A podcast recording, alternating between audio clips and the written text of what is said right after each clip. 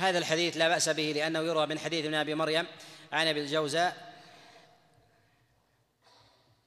عن الحسن بن علي عن رسول الله صلى الله عليه وسلم.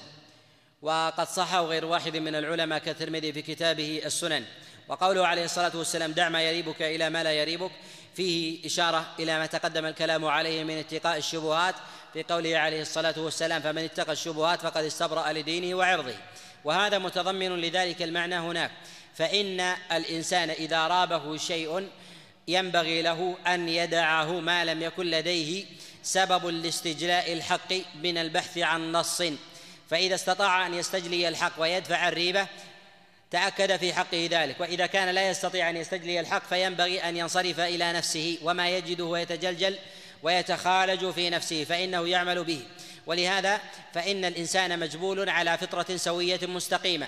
لا يمكن أن ينصرف عنها إلا بفعل فاعل من أبويه أو أن يتطبع بطبع أهل الكفر والعناد ممن ممن ينغمس الإنسان فيهم.